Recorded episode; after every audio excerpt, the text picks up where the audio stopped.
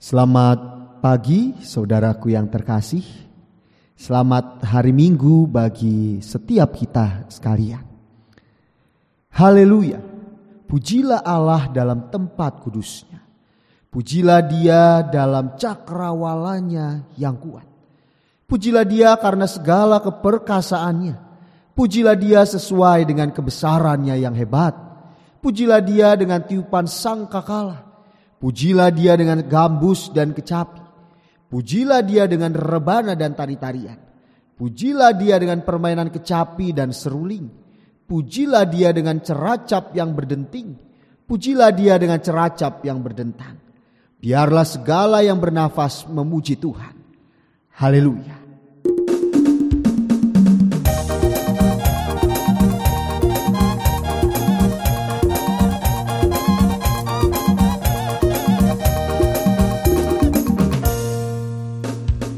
Nyanyikanlah nyanyian baru bagi Allah Pencipta cakrawala. Segala serafim kerubin Pujilah dia Besarkanlah namanya. Bersorak-sorai bagi rajamu Bersorak-sorai bagi rajamu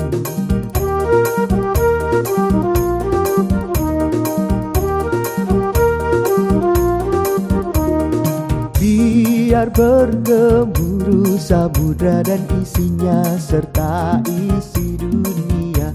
Dan biar sungai, gunung, bukit, lembah bertepuk tangan bersama-sama. Bersorak-sorai bagi rajamu Bersorak-sorai bagi rajamu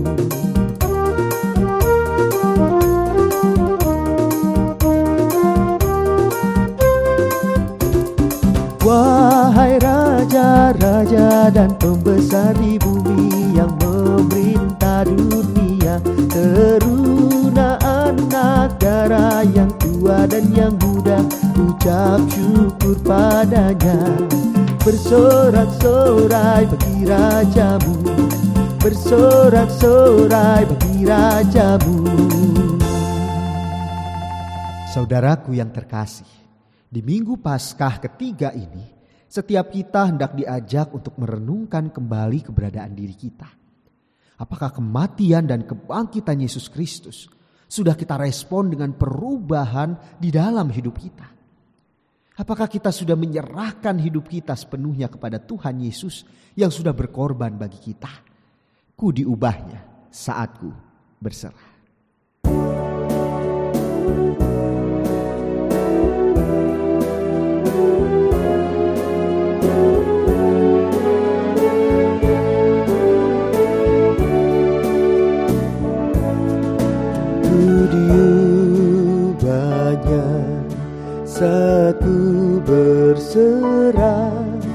Berserah kepada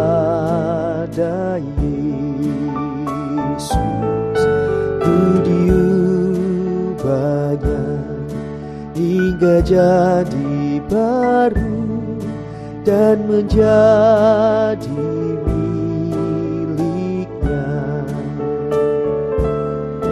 kegemaran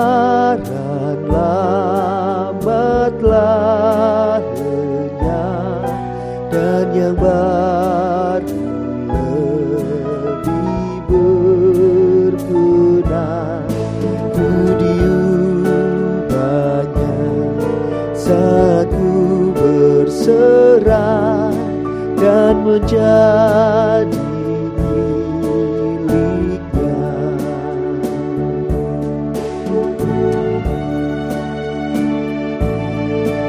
Siapkanlah hatimu. Siaplah untuk diubah oleh Tuhan.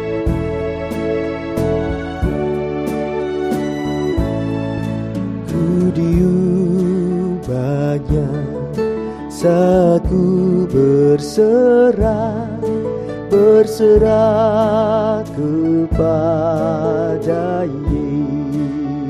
Yesus. Ku diubahnya hingga jadi baru dan menjadi miliknya. Kegemaran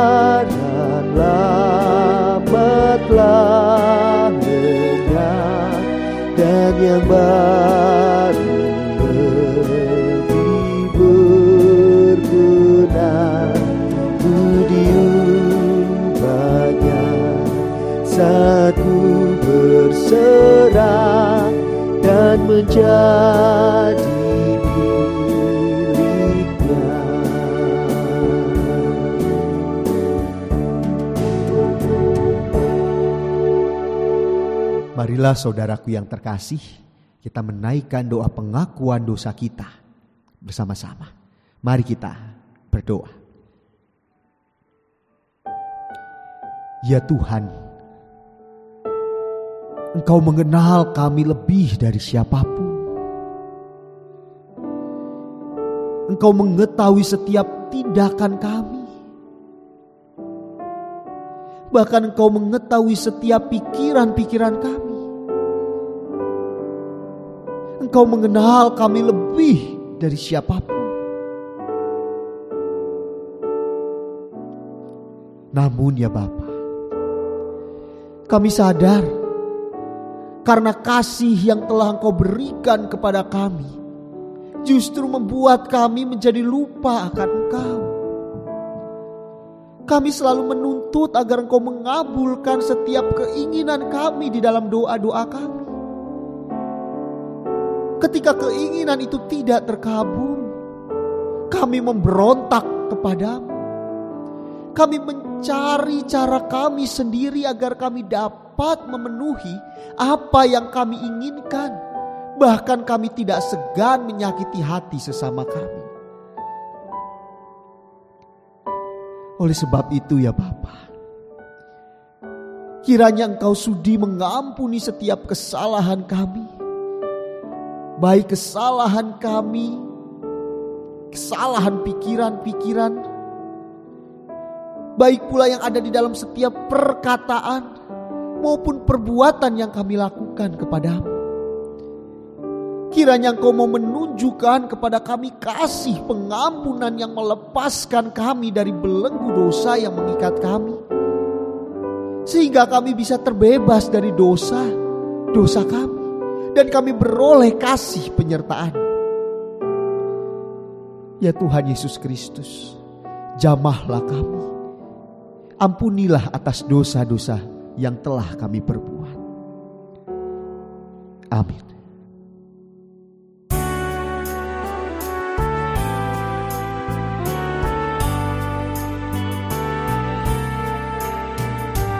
Dulu ku tertindih dosa.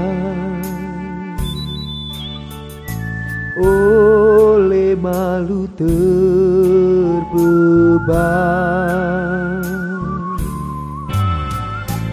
Tangan Yesus menyentuhku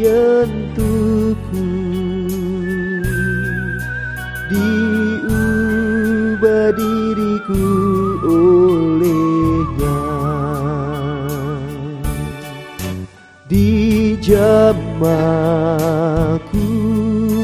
dijamah Meluap sukacitaku. Tuhan Yesus menjamaku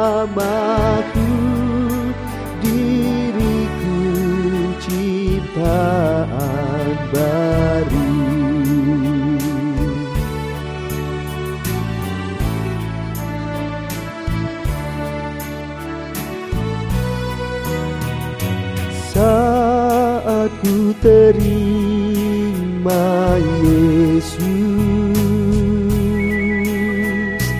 Jadi baru diriku.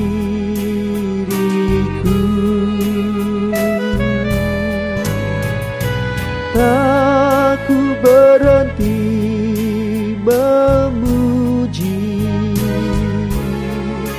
memuji dia selamanya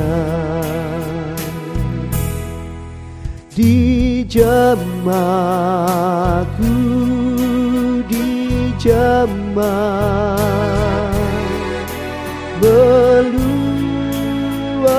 sukacitaku.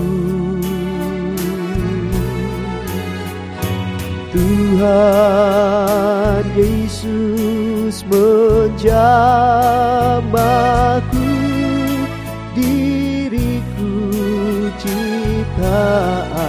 baru Pada setiap orang yang mau bertobat, berita anugerah dari Tuhan. Kitab Yesaya pasal yang pertama ayat 18 berkata, Sekalipun dosamu merah seperti kirmisi, akan menjadi putih seperti salju. Sekalipun berwarna merah seperti kain kesumba, akan menjadi putih seperti bulu domba. Demikianlah berita anugerah dari Tuhan.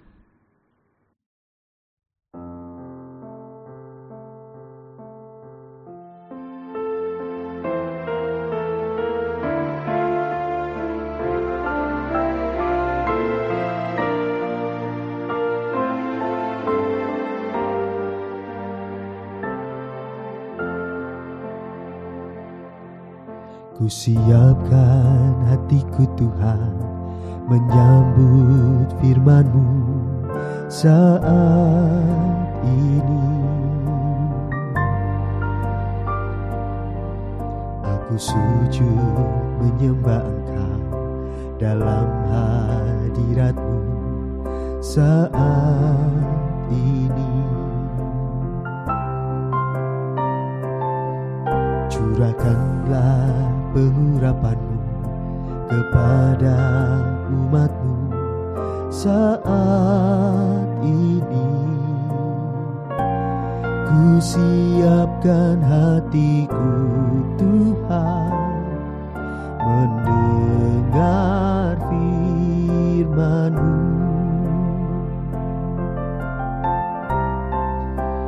Firmanmu Tuhan Tiada berubah.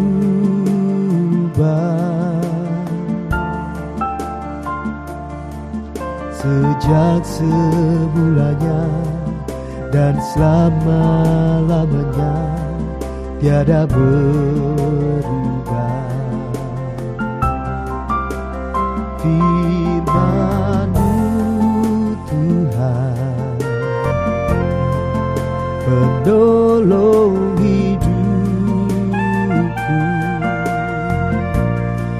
Siapkan hatiku Tuhan.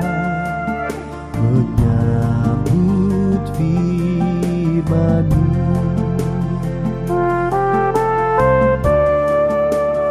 Firmanmu Tuhan. Tiada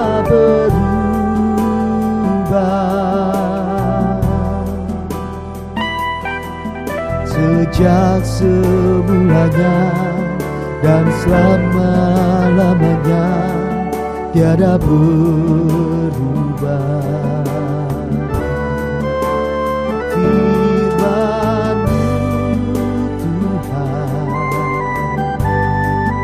Penolong hidupku.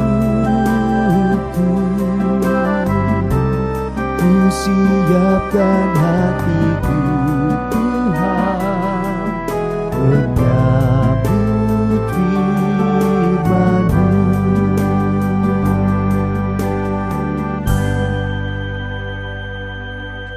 Marilah kita berdoa.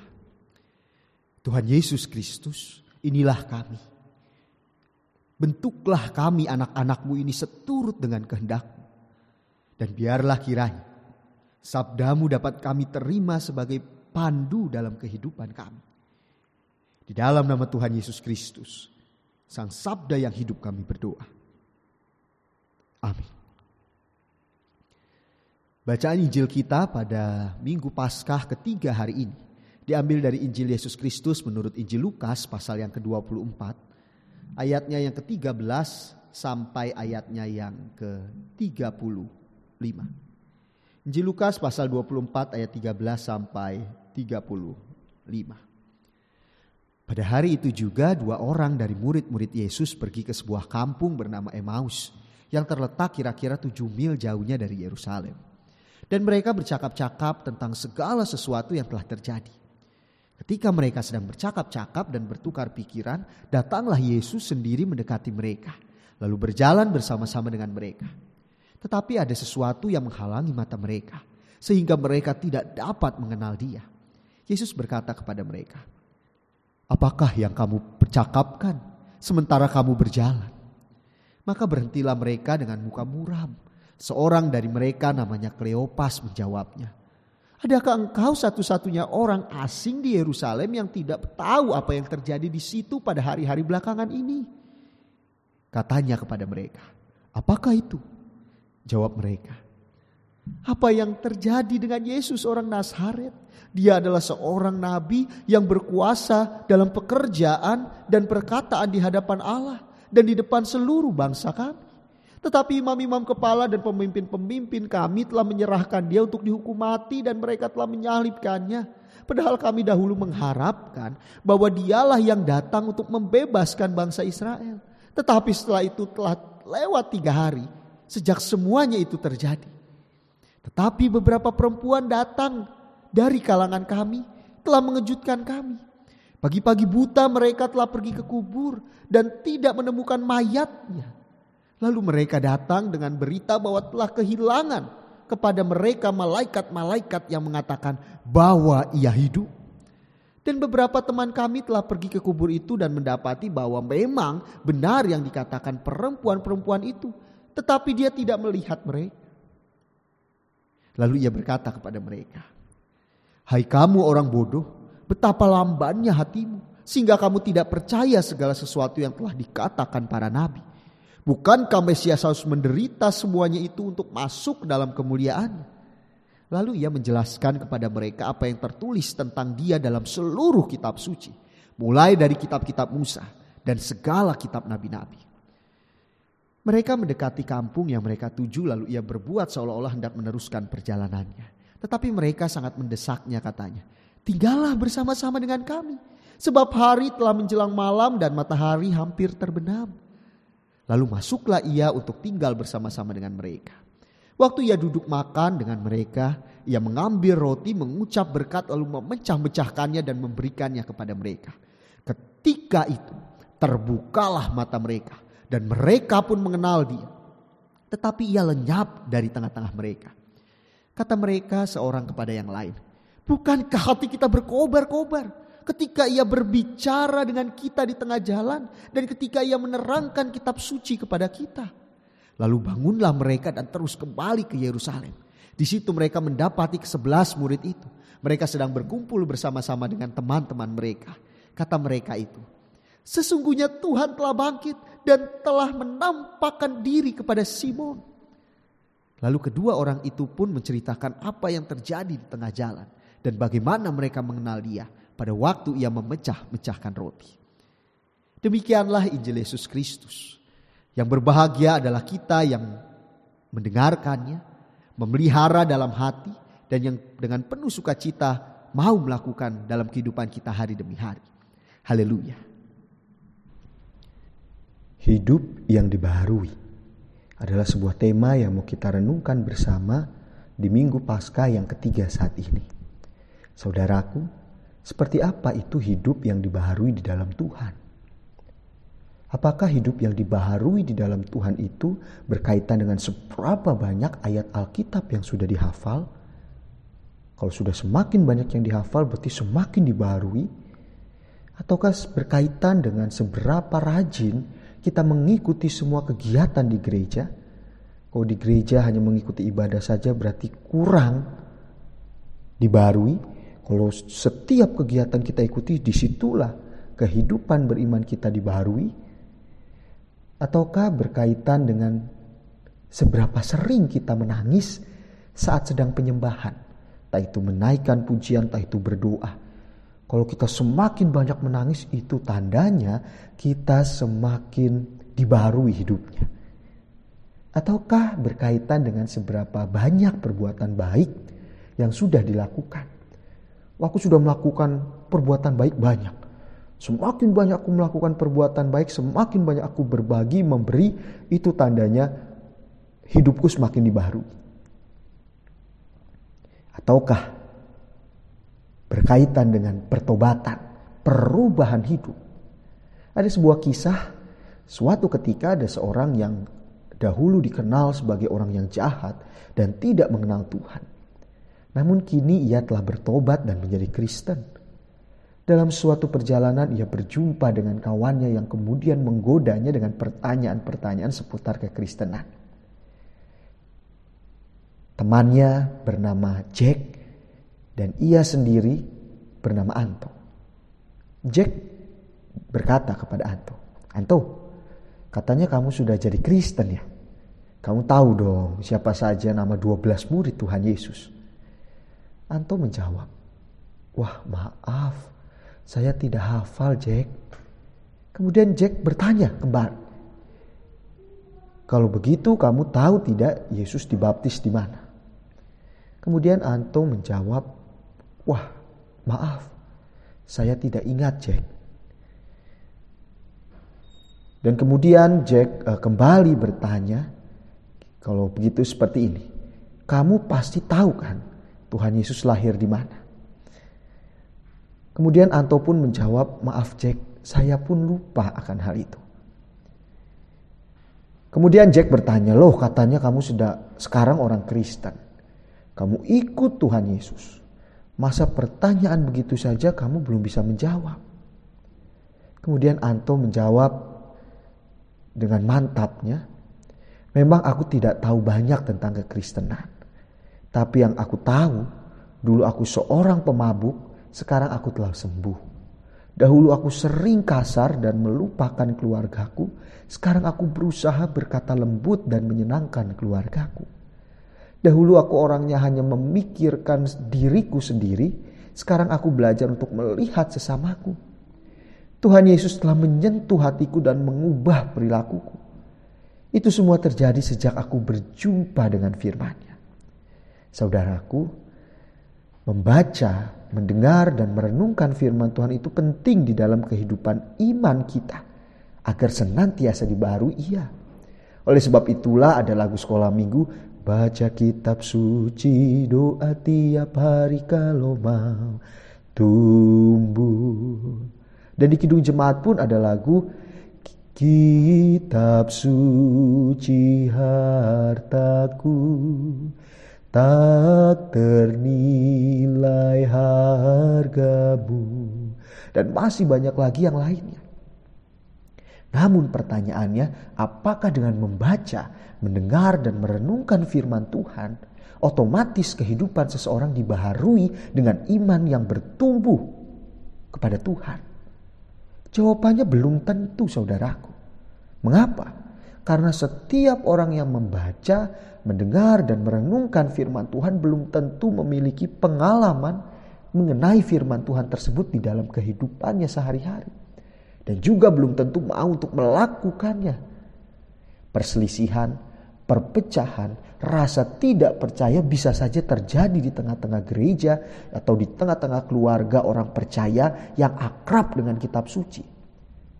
Di dalam Alkitab contohnya itu adalah kehidupan dari imam-imam kepala dan ahli-ahli Taurat. Hidup mereka sangat dekat dengan kitab suci. Tetapi apa yang terjadi di dalam hidup mereka nampaknya kehidupan mereka belum dibaharui. Lalu apa yang harus dilakukan oleh orang Kristen agar hidupnya dapat senantiasa dibaharui dengan iman yang bertumbuh kepada Tuhan?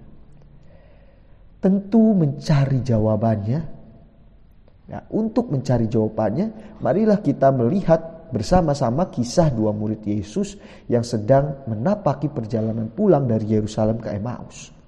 Pertama, apakah kedua murid ini belum pernah mendengar isi kitab suci ataupun sabda Yesus yang adalah guru mereka?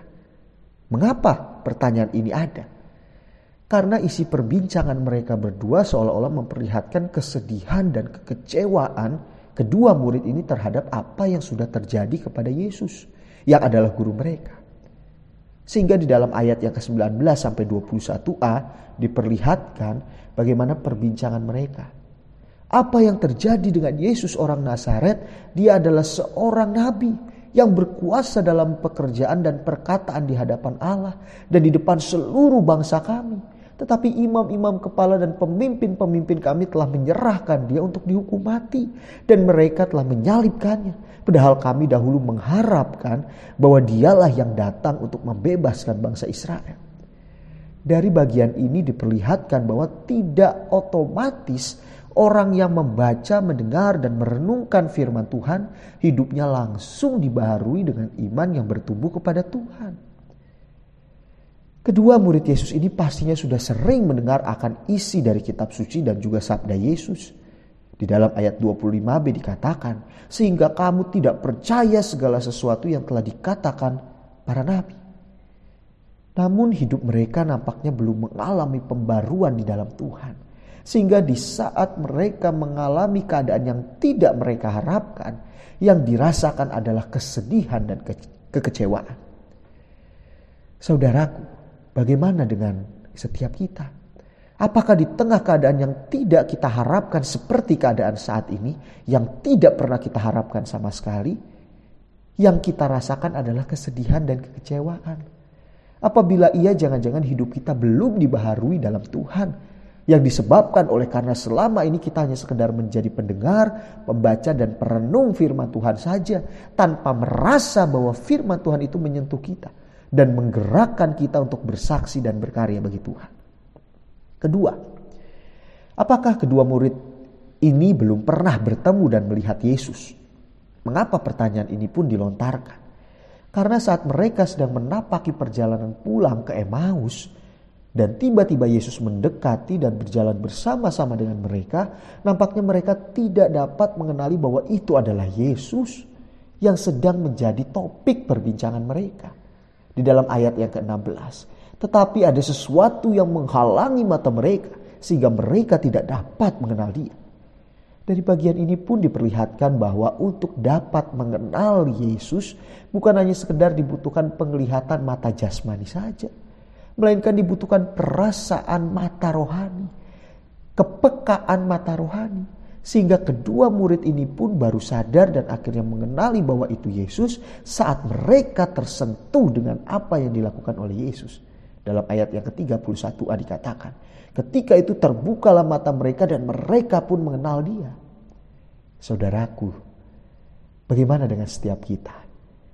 Sudahkah firman Tuhan yang selama ini kita baca, dengar dan kita renungkan dan kita rasakan juga kehadirannya di dalam kehidupan kita sehari-hari. Firman Tuhan ini berbicara kepada kita saat kita sedang diperhadapkan dengan pilihan-pilihan hidup. Apakah firman Tuhan ini juga senantiasa menegur kita saat kita sedang melakukan kesalahan? Apakah firman Tuhan ini juga menghibur kita saat kenyataan hidup kita tidak seperti yang kita harapkan? Apakah firman Tuhan ini juga kita rasakan menemani kita saat kita menjalani setiap musim kehidupan kita? Baik musim yang penuh dengan berkat ataupun musim yang gersang ataupun sedang musim pancaroba perubahan yang banyak sekali penyakit yang mungkin saja hadir dalam hidup kita. Yang ketiga, apakah kedua murid ini merasakan lelah setelah menempuh perjalanan kurang lebih 11 atau 12 km dari Yerusalem ke Emmaus. Mengapa pertanyaan ini pun dilontarkan?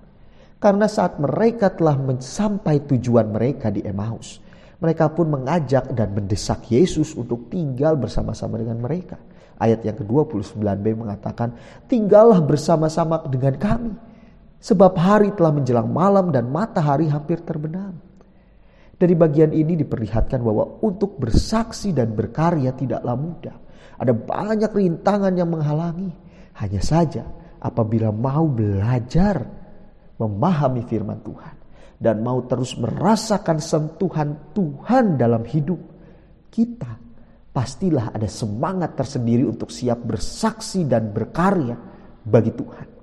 Di dalam ayat yang ke-32b sampai 33a mengatakan, Bukankah hati kita berkobar-kobar Lalu bangunlah mereka dan terus kembali ke Yerusalem. Inilah yang dilakukan oleh kedua murid yang memperlihatkan bahwa hidup mereka dibaharui dengan iman yang bertumbuh kepada Tuhan. Saudaraku, bagaimana dengan setiap kita? Sudahkah firman Tuhan yang selama ini kita baca, kita dengar, kita renungkan, kita rasakan kehadirannya dalam hidup kita sehari-hari, memampukan kita untuk terus bersemangat dalam bersaksi dan berkarya bagi Tuhan. Walaupun mungkin banyak rintangan yang menghalangi. Mungkin ada di antara kita yang saat ini sedang menghadapi rintangan, berbagai macam rintangan. Mungkin ada yang sedang menghadapi rintangan akan ketakutan mengingat masa lalu, karena masih ada luka-luka batin di masa lalu yang belum sembuh.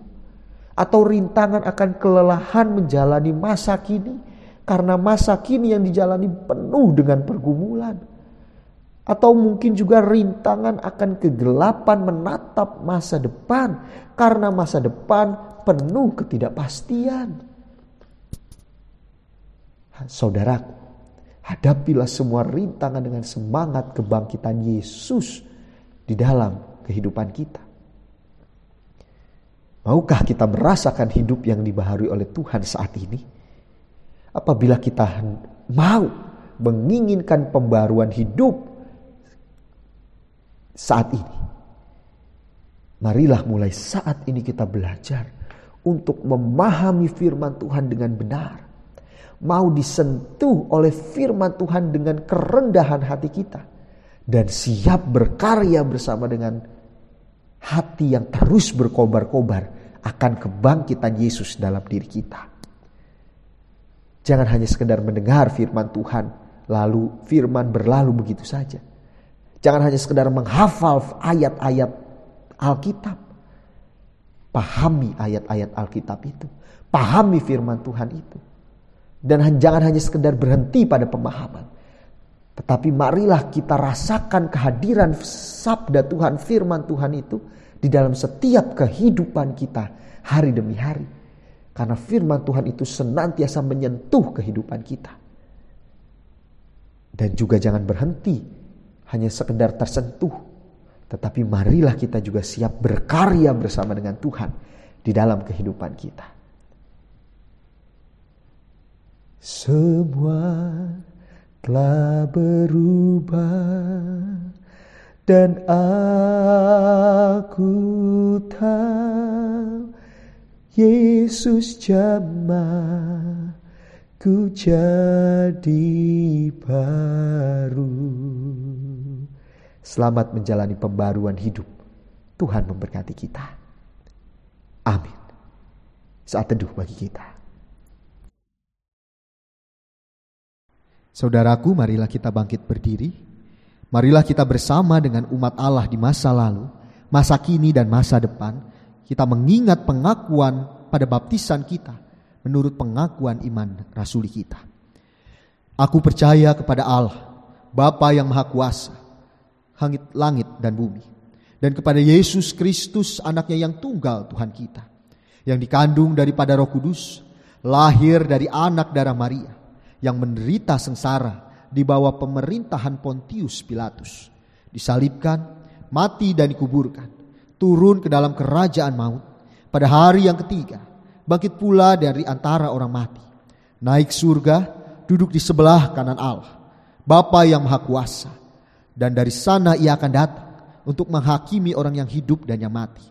Aku percaya kepada Roh Kudus, gereja yang kudus dan persekutuan orang kudus, pengampunan dosa, kebangkitan orang mati, dan hidup yang kekal. Amin. Marilah kita bersama-sama menaikkan pokok-pokok doa syafaat kita. Tuhan Yesus Kristus Allah Bapa kami yang baik. Kami bersyukur karena Tuhan boleh mengingatkan kami. Bagaimana seharusnya kami menumbuhkan iman kami. Bukan hanya sekedar tahu akan firman Tuhan tetapi kami juga mau belajar disentuh oleh firman Tuhan. Dan juga siap melakukan firman Tuhan dalam hidup kami hari lepas hari. Kami bersyukur ya Tuhan Yesus Kristus. Di tengah keadaan kami saat ini. Kami pun masih mampu untuk tetap menjalaninya penuh dengan pengharapan. Ya Tuhan Yesus Kristus. Saat ini kami mau bersama-sama berdoa di tengah keadaan kami yang saat ini. Kami menaikkan doa kami untuk pemerintah kami yang sedang terus mencari jalan yang terbaik untuk menanggulangi wabah corona ini. Biarlah kiranya juga Tuhan yang hadir agar setiap hal yang boleh diputuskan adalah yang terbaik yang dari Tuhan. Kami juga berdoa untuk tenaga medis, dokter, para perawat, semua yang bekerja di rumah sakit. Tolong sertai mereka ya Bapak. Biarlah kiranya mereka juga boleh tetap diberikan kesehatan. Mereka tetap diberikan semangat pengharapan. Agar mereka mampu melayani dengan penuh sukacita. Kami juga berdoa untuk setiap kami ya Bapak. Biarlah kiranya kami boleh menjaga diri kami sebaik mungkin. Agar kami juga boleh menuruti akan aturan-aturan yang telah dikeluarkan oleh pemerintah. Adapun juga apabila kami sedang merasa kurang sehat, biarlah kiranya kami mengisolasi diri kami pribadi di rumah. Dan apabila kami hendak ke dokter ataupun ke rumah sakit, biarlah kiranya kami pun tidak berbohong atas semuanya. Tolong kami ya Bapak. Kami juga mau bersama-sama berdoa untuk setiap kami yang dalam keadaan sakit, ataupun keluarga-keluarga yang sedang berduka.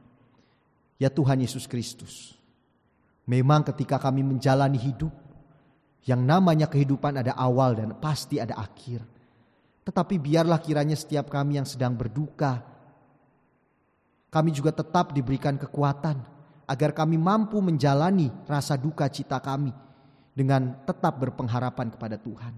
Begitu juga bagi kami yang sakit, biarlah kiranya kami tetap memiliki semangat menjalani hari-hari kami. Karena hati yang gembira adalah obat. Terima kasih ya Tuhan. Kami pun juga mau bersama-sama berdoa untuk setiap kami yang mengalami dampak dari wabah virus corona ini. Khususnya dampak perekonomian kami. Ya Tuhan, biarlah kiranya kami tetap mampu melihat jalan keluar yang Tuhan telah sediakan bagi kami. Agar kami bukan hanya sekedar isinya mengeluh, mengeluh dan mengeluh. Tetapi kami belajar untuk bersyukur senantiasa. Terima kasih ya Bapak. Kami yakin Tuhan membuka jalan yang terbaik bagi kami. Terima kasih ya Bapak. Kami mau mendoakan untuk seluruh keadaan dunia ini. Biarlah kiranya boleh menjadi lebih stabil lagi hari demi hari. Terima kasih Tuhan Yesus Kristus. Kami mau menutup doa kami ini bersama-sama. Kami mau menaikkan doa Bapa kami yang akan kami nyanyikan.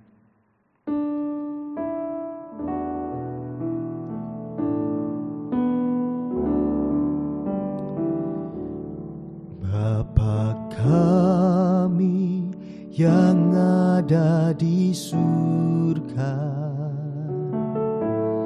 Dikuduskanlah namamu. Datanglah kerajaanmu Jadilah kehendakmu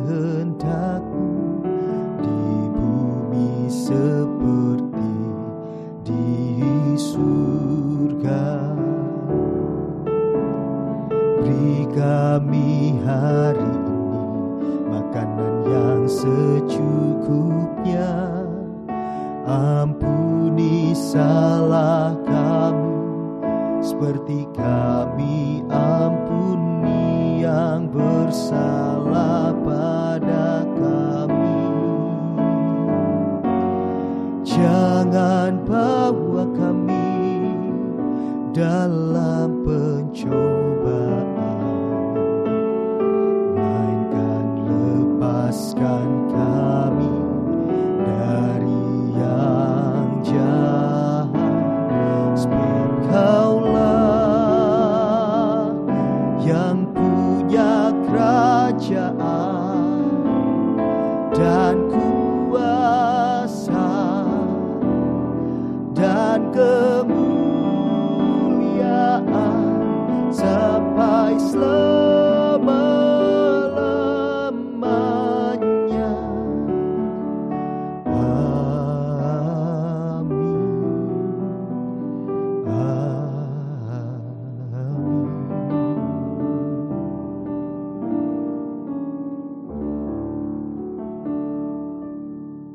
Penuh sukacita, marilah saat ini kita bersyukur menyerahkan persembahan kita kepada Tuhan.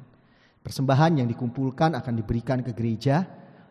Caranya bisa dilihat di warta jemaat ada tiga cara yang bisa dilakukan.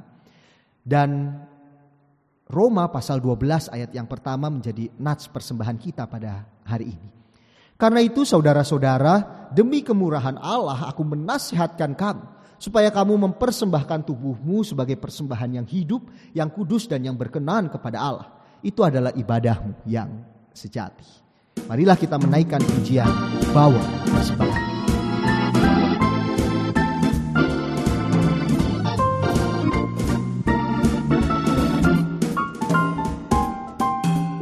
Bawa persembahanmu dalam rumah Tuhan Dengan rela hatimu janganlah jemu Bawa persembahanmu Bawa dengan suka Bawa persembahanmu.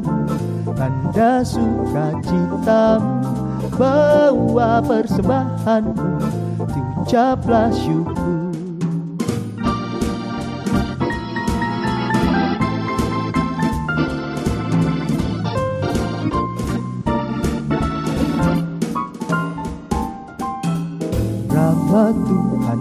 padamu tidak tertandingi oleh apa saja pun dalam dunia. Kasih dan karunia sudah kau terima bawa persembahanmu tanda sukacitamu bawa persembahanmu ucaplah syukur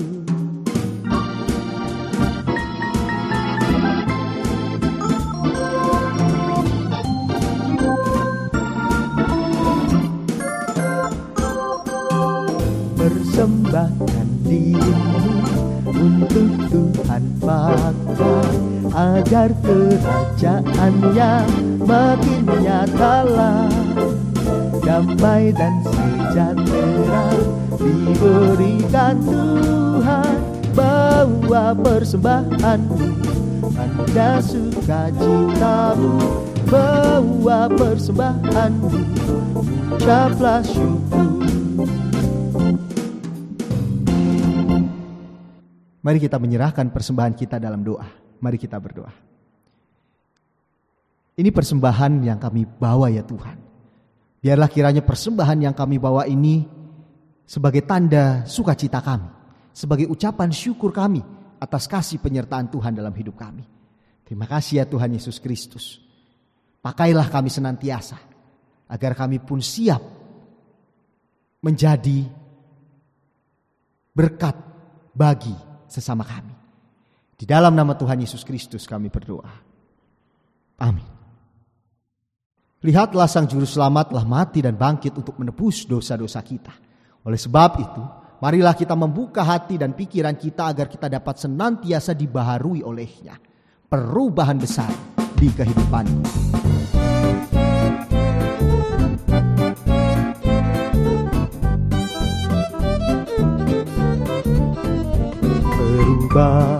Besar di kehidupanku sejak Yesus di hatiku. Di jiwaku bersinar terang yang cerlah sejak Yesus di hatiku. Sejak Yesus di hatiku. Sejak Yesus di hatiku. Jiwaku bergembar bagai ombak besar sejak Yesus di hatiku.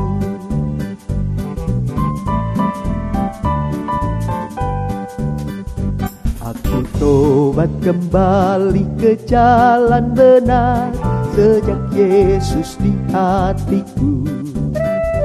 Dan dosaku dihapus jiwaku segar Sejak Yesus di hatiku Sejak Yesus di hatiku Sejak Yesus di hatiku.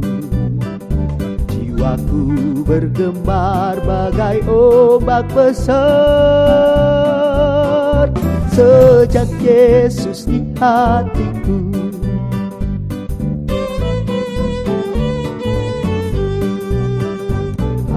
rindu pergi ke tempat Tuhanku Sejak Yesus di hatiku. Aku riang gembira berjalan terus Sejak Yesus di hatiku.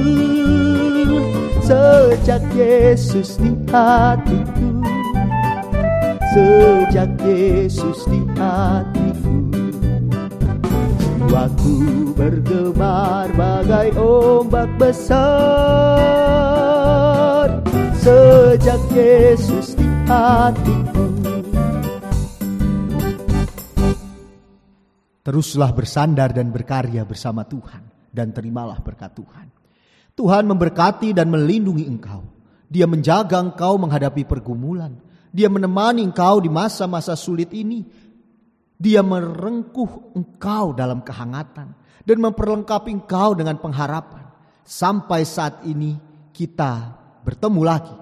Kiranya persekutuan kasih Allah Bapa, Anak dan Roh Kudus senantiasa menyertai engkau kini dan selamanya. Amin.